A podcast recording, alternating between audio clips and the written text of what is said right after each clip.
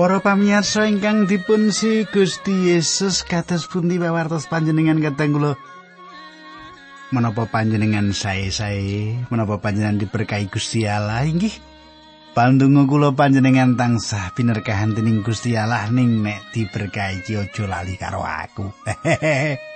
Eh, kalau kepengker menika wonten pamirsa ingkang ngaturaken lebih sungsung kangge jalan-jalan Pak Puji.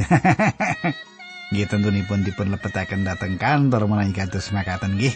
Nanging nembe janji kemawon nggih. Boten napa-napa nggih. Ingkang bagus sampun wonten kretek. Oh kangge pelantusane Pak Puji. Mesine kudu kados makaten. Nah katang kula ingkang kula tresani kula badhe sesarengan kalian panjenengan ing sawetawis wekdal menika inggih menika wonten ing salebetipun adicara margi utami adicara ingkang Mika kayektosan kayektosan saking kitab suci kita menika urutan nggih menika sampun dumugi setunggal babat. Nah, sugeng midhangetaken ati cara menika.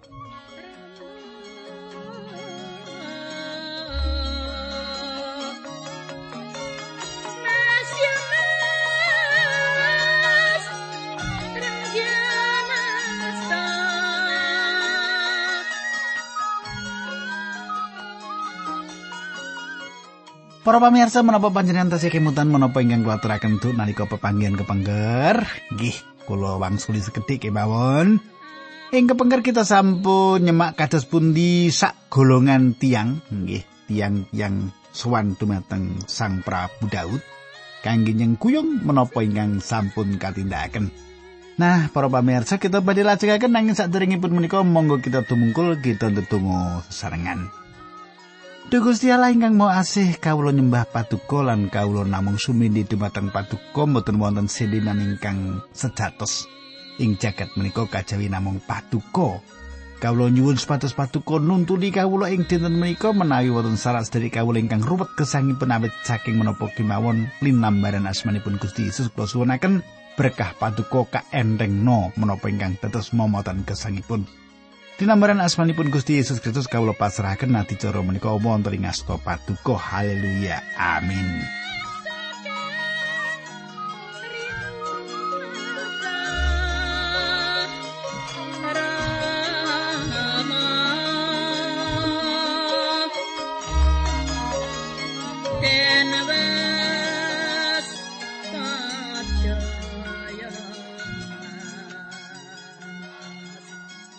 Para pamirsa samenika pasinon kita sampun lumebet ing kitab setunggal babat bab 13. Ing salebeting perangan kita ningali saking pamirsanipun Gusti Allah kegayutan pambudidaya Daud ingkang kawitan kangge beto peti perjanjian dhateng Yerusalem.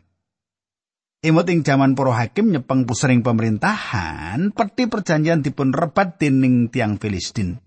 Nanging awit wontenipun peti perjanjian menika dados jalanan kangelan ingkang boten wonten telasipun tiang-tiang Filistin menika mapanaken peti perjanjian menika ing Kreta inggal lan dipun kintun malih dhateng Israel setunggal Samuel 6. Wiwit wekdal menika peti perjanjian menika tetap wonten ing griyanipun Abinadab ing Kiryat Yarim. Nah, samenika Daud mbudidaya mbeta malih peti perjanjian menika dhateng ibu kota inggih menika ing kitha Yerusalem. Samenika ayat setunggal bab 13 setunggal babat makatan surasipun Raja Daud rembukan karo para perwirani kumendani pasukan sewu lan pasukan satus.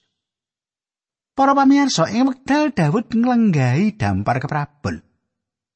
Piyambakipun gadah rancangan ingkang ngedapi-dapi, piyambakipun gadah idam-idaman ingkang ageng lan piyambakipun gadah kekajengan beto peti perjanjian menika dhateng Yerusalem. Manut kula, Daud sampun nindakaken kalpatan lan rerembagan kalian tiang-tiang menika. Kenging menapa kok lepat rerembagan? Awit Gusti Allah sawek mimpin piyambakipun lan maringi arahan dumateng piyambakipun. Gusti Allah mboten betahaken pamroyoginipun menungsa. Menika ugi perkawis ingkang kedah dados kawigatosan ingkang ngombro-ombro ingkang jembar ingkang berkembang ing kathah gereja medha menika. Kathah perkawis timbul awit kathah ing antawisipun pengurus gereja Mboten dipun siapaken sora kasukman kangge damel putusan asring putusanipun ingkang lepat ngrisak menapa ingkang kedahipun dipun putusaken dening Sang Kristus. Diputut-pututke dhewe ora njaluk tuntunan karo Gusti Kristus ki piye? Nggih. Tundhonipun dados masalah ingkang ageng ing gereja. Nah, kula lajengaken bab 13 ayat kalih ngantos 3 makaten sulasipun. Banjur kondo karo umat Israel mengkene yen kue padha setuju pangeran Allah kita marangake becike kita kirim utusan marani para imam lan wong-wong Lewi ing desa-desane dikon nglumpuk mrene. Kita perlu njupuk peti perjanjian Allah sing selawase Saul dadi raja ora kopen. Para pamirsa, ingkang dumados menika satunggalipun akibat saking jaman pemerintahanipun Sang Prabu Saul. Ing jaman semanten ibadah dumateng Gusti Allah ing kemah suci babar pindah dipun icali akibatipun sedaya tatanan organisasi kemah suci dados bubar mamut. Tiang Lewi ugi bibar mamut. Para pamirsa kula lajengaken ayat sekawan. Rakyat bungaran setuju krungu usule Daud sing mengkono mau. Para pamirsa putusan menika katindakaken tanpa syarat. Rakyat gadah kekajengan peti perjanjian menika dipun beto dhateng Yerusalem. Kula lajengaken ayat gangsal 6. Daud banjur nglumpukake rakyat Israel kabeh wiwit sing padha manggon ing sisih kidul ing tapel watese tanah Mesir, tekan sing manggon ing sisih lor sak cedhake dalan menyang Hamat, wong kabeh mau diajak njupuk petining perjanjian saka Kiryat Yarim digawa menyang Yerusalem. Daud banjur melu lunga menyang Baala ya kuwi Kiryat Yarim peti kuwi uga disebut dampare Allah sing ana ing sandhuwure kerup. Para pamirsa. Mesthi kemawon Gusti Allah mboten mapan ing salebetipun peti perjanjian menika mboten ugi wonten ing antawisipun kerup nanging peti perjanjian menika satunggalipun papan ingkang dipun rancang panjenenganipun minangka papan pepanggihanipun kalian umat Israel. Pangayunaning panjenenganipun wonten ing mriku mbeta peti perjanjian dhateng Yerusalem menika satunggalipun patrap ingkang leres nanging caranipun beto menika ingkang lepat. Ayat pitu. Satekaning bala peti perjanjian banjur diwetokake saka Maya binadab sarta diunggahake ing grupak sapi anyar sapine dituntun dening usalan ahyu. Para pamirsa, Gusti Allah sampun maringi pitedah kados pundi kedahipun beto peti perjanjian menika. Perabot-perabot sanes perangan kemah suci saged dipun beto ngangge kereta nanging mboten kados mekaten menawi badhe beto peti perjanjian.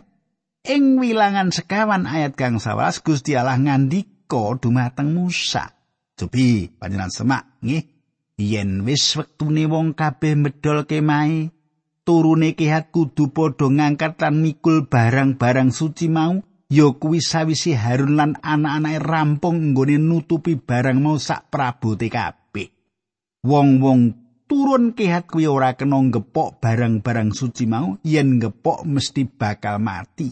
Kaya mengkono kewajibane kaum kihat semasa kemah suci delih menyang liya panggonan Para pamirsa peti perjanjian menika mboten nate dipun beto kangge kereta. Peti perjanjian menika mboten nate dipun beto ngangge kereta. Peti menika kedah dipun gotong dening tiang-tiang Bani Kehat kenging menapa awit peti perjanjian menika meratelakaken gegayutan Sang Kristus lan peti menika kedah dipun usung malah wekdal menika dening tiang-tiang secara pribadi. Para pamirsa kathah tiyang gadah kekajengan nindakaken menapa kemawon kanthi cara ingkang gampil, gitu.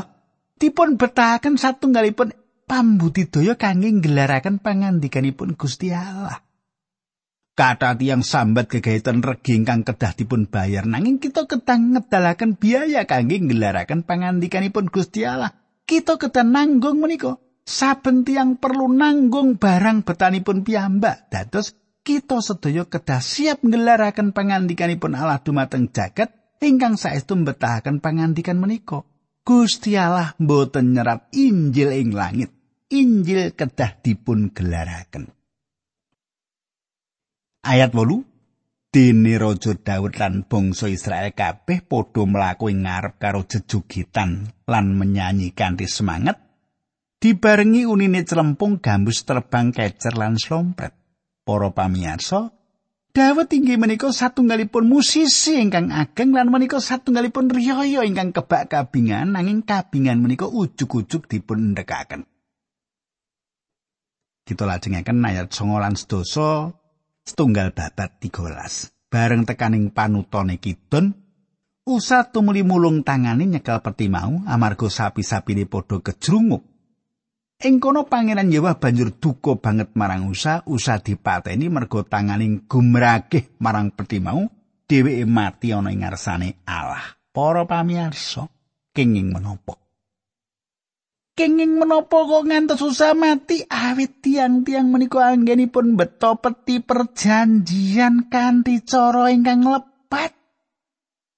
Ingkang kawitan perlu dipun mangertos peti perjanjian menika boten kenging dipun beto ngangge kereta. To selajengipun peti perjanjian menika mboten betahaken usah supados gumragih dumateng peti perjanjian menika jaman samenika. Kathah sanget tiyang ingkang cawe-cawe gegayutan pakaryanipun Gusti.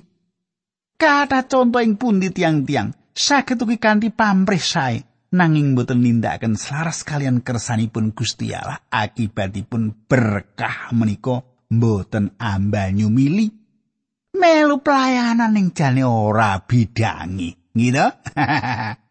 Ah wis marake berkahe mandek wae gitu. Kita lajengaken ayat 11 Sang Prabu Daud ngungun dene pangeran Yuwah ngebak usaka di patrap kang gegirisi iku mulane panggonan kono banjur kaaran petes usa nganti saprene. Panjenengan katasaken Daud rumaos cuwa ing manah. Ayat 11 nanging Daud uga wedi banget mula banjur kono saiki kepriye patrape nggawa peti perjanjian iki para pamirsa Kados menapa asringipun kita mbudidaya nindakaken satunggalipun perkawis kanthi cara kita piyambak. Kita mbudidaya nindakaken satunggalipun perkawis kanthi cara kita piyambak. Lan wekdal gagal kita nglepataken Gusti Allah. Panjenengan tindakaken selaras kalian caranipun Gusti Allah kateng kula. Panjenengan pasrahaken dumateng panjenenganipun inggih menika ingkang pungkasanipun kedah dipun tindakaken dening Daud. Samenika ayat 13 ngantos 18. Peti mau banjur rasido digawa menyang Yerusalem lan ditinggal ing omahe wong sing jeneng Obed Edom saka kutha Gad. Peti kuwi ana ing kono nganti telung sasi dene Obed Edom sebrayate lan barang darbe diberkahi dening pangeran merga nggone kanggonan peti perjanjian mau. Para pamirsa, Ayat menika mungkasi perangan carios menika peti perjanjian boten dados dipun beto dhateng Yerusalem emekda semanten. Lan Gusti Allah berkahi keluarga ing pundi peti perjanjian menika wonten salajengipun kita badhe lumebet ing setunggal babat bab 18. Setunggal babat bab 18 makatan surasipun Raja Hiram saka tanah Tirus ngutus abdi sowan Raja Daud ngrembug perkara dagang sarta ngirim tukang-tukang batu, tukang kayu lan cemara libanan kanggo ngedekake kedaton. Para pamirsa Daud lan Hiram menika mitra caket. Ing wekdal wiwitan Daud nyepeng pusaraning pangwas, Hiram gadah kekajengan mitulungi Daud ing wekdal Daud badhe ngedekaken kedatonipun. Ayat kali lan tiga, Daud ngerti yen Gusti Allah wis ngukuhake nggone dadi raja ing Israel, lan yen kratone bakal makmur merga kraton kuwi kanggo umat Allah bareng wis pindah menyang Yerusalem Raja Daud mundut garwa liyane meneh lan saka garwa mau uga kagungan putra meneh para pamirsa panjenengan katosaken menika Gusti Allah ngitinaken Daud mundut kathah semah nanging Gusti Allah mboten sarujuk sejatosipun. Gusti Allah badhe ngadilan anda tengaken kaprihatosan dumateng Daud ing sisa gesangipun menika satunggalipun kalapatan. Seratan menika mboten dipun paringaken dumateng kita awit Gusti Allah nyarucuki nanging Gusti Allah ngersakaken kita mangertos bilih inggih menika sayektosipun ingkang dumados. Daud gugu karpe dewi. gitu. Nah, sama menika ayat songo ngantos kali welas. Tentara Filistin banjur nyerbu lebak Repaim, Raja Daud banjur nyuwun pirsa marang Allah. Duh pengiran, Menapa tiang Filistin menika kedah kawula serang? Menapa pangeran badhe paring keunggulan dateng kawula? Paring wangsulan pangeran, iyo serangan, aku bakal paring kemenangan marang kowe. Daud banjur nyerang sarta ngalahake wong Filistin ana ing Baal Perasim, pangucape Raja Daud, Allah wis marengake aku nrobos barisane mungsuh kaya banjir bandang. Mulane panggonan kono disebut Baal Perasim sing tegese Allah nrobos. Wong Filistin padha keplayu lan ora kober nggawa reca-recane, Raja Daud banjur dawuh ngobong reca-reca mau kabeh. Lalampahan menika satunggalipun kamimpangan ageng ingkang dipun tamani Daud atas tiang-tiang Filistin lan Israel arang sangat mimpang perang kalian tiang Filistin. Setunggal babat 14 ayat 13 ngantos 14. Ora suwe wong Filistin mau bali nyerbu lebak arepake meneh. Raja Daud nyuwun pituduh meneh marang pangeran lan diwangsuli, "Aja kok serang saka kene nanging ngalango metu sisi kono serangan saka panggonan wit-wit murpe." Panjenengan katasaken Daud nyuwun pamanggihipun Gusti Allah, Gusti Allah paring dawuh dumateng Daud supados mundur lan ndadosaken tiang Filistin dateng wit murpe. Ing mriku Daud pikantuk kauntungan lan nyerang tiang Filistin kathah tiang Kristen jaman-jaman iku ingkang sayektosipun sawek nguji Gusti. Gusti Allah ngersakaken kita ngginakaken akal sehat ingkang sampun dipun pikiraken lan ngentosi tuntunanipun Gusti. Kulo tepang abdi Gusti ingkang ngladosi gereja. Ing satunggalipun dinten piyambakipun nandang sakit awrat kula nyukani pamrayogi supados kisah dateng dokter. Nanging abdi Gusti kala nampil lan meratelaken bilih Gusti Allah sampun temtu badhe nyarasaken piyambakipun. Nanging pungunipun boten saras ngantos tundunipun pecah. Abdi Gusti kala gadah pikiran bilih Gusti Allah badhe nyarasaken piyambakipun. Abdi Gusti kala ngedahipun kedah kisah dateng dokter. Patra budunipun dados jalanan piyambakipun pecah. Para pamirsa, Mesti kemawon kita kedah kumandel dumateng Gusti nanging kita kedah yakin kita nampeni pitedah saking panjenenganipun. Kala-kala kita kisah nindakaken peperangan dan kala-kala kita panci kedah mundur. Ayat kang 11 Yen kowe krungu swara kaya suarane wong baris ing sak nduwuring wit-witan maju, sebab aku bakal tindak ing ngarepmu ngalahake wong Filistin. Panjenengan katosaken. Wonten wekdalipun nalikane panjenengan lan kula kedang ngentosi ngantos wonten pepestan bilih Gusti Allah sak nyawisaken margi kangge kita, kita kedang ngentosi Gusti maringi tondo suwanten tiang baris ing pucuk-pucuk wit-witan murpe. Ayat 16 ngantos pitulas Rojo Daud ngelakoni apa sing didawake dening pangeran Rojo Daud lan pasukan ngalahake tentara Filistin wiwit saka Gebion tekan Geser. Mergo saka mengkono Raja Daud dadi misuwur ana ing ngendi lan bangsa-bangsa didamel wedi karo Raja Daud. Para pamirsa, inggih menika sebabipun kula sanjang bilih Daud menika salah setunggal saking para pemimpin jagat ingkang ageng. Kerajaanipun satunggalipun kerajaan ingkang ageng ing jamanipun Gusti Allah nganti gesangipun. Bangsa ingkang alit ingkang mapanipun wonten daerah ingkang boten misuwur dados panguwas jagat ingkang ageng ampun gumun kegayutan perkawis menika kathah conto kados makaten ing sejarah jagat menika. Satunggalipun bangsa ingkang alit saged dados panguwas jagat dumateng kita dipun paringi landesanipun. Ayat kali nyariosaken dumateng kita bilih Daud ningali Gusti sampun neguhaken piyambakipun minangka jejeripun raja atas Israel lan ayat pitulas meratelaken dumateng kita bilih Gusti anda tengaken raos ajri dumateng sedaya bangsa Gusti Allah kemawon ingkang andhesaken Daud panguwasing jagat menika. Para pamirsa, kita kedahipun sinau saking kawigatosan ingkang dipun paringaken kegayutan kalian anggenipun nimindahaken pati perjanjian Gusti Allah. Gusti Allah kasengsem kegayutan anggenipun manembah umat kagunganipun peti perjanjian satunggalipun punjer lan saripati saking anggenipun ngibadah bangsa Israel. Ing mriku Gusti Allah maringi menapa ingkang kedah dipun tindakaken. Sejarah menika piyambak kedahipun mucal kita bilih kathah sanget kita nengenaken perkawis-perkawis ingkang sawek dumados. Satunggalipun pitakenan timbul menapa ingkang dumados kanthi kemah suci mboten wonten seratan kegayutan menapa ingkang dumados ing kemah suci kajawi peti perjanjian menika. Perkawis ingkang penting inggih menika peti perjanjian kenging menapa awit ingkang nutupi peti perjanjian menika inggih menika tutup bedamen. tutup karukunan. Menika satunggalipun papan ing pundi Gusti Allah kepanggih kalian umat Israel. Para pamirsa, perkawis penting kangge panjenengan lan kula inggih menika gadah papan ing pundi kita saged nampi sih kawelasanipun saking Gusti Allah. Jaman samenika Gusti Allah siap mulungaken sih kawalasan, sih kadarman, sih kawalasan awit panjenenganipun gadah tutup pedamen kangge kita. Setunggal Yohanan kalih ayat tunggalan kalih meratila akan kados mekaten.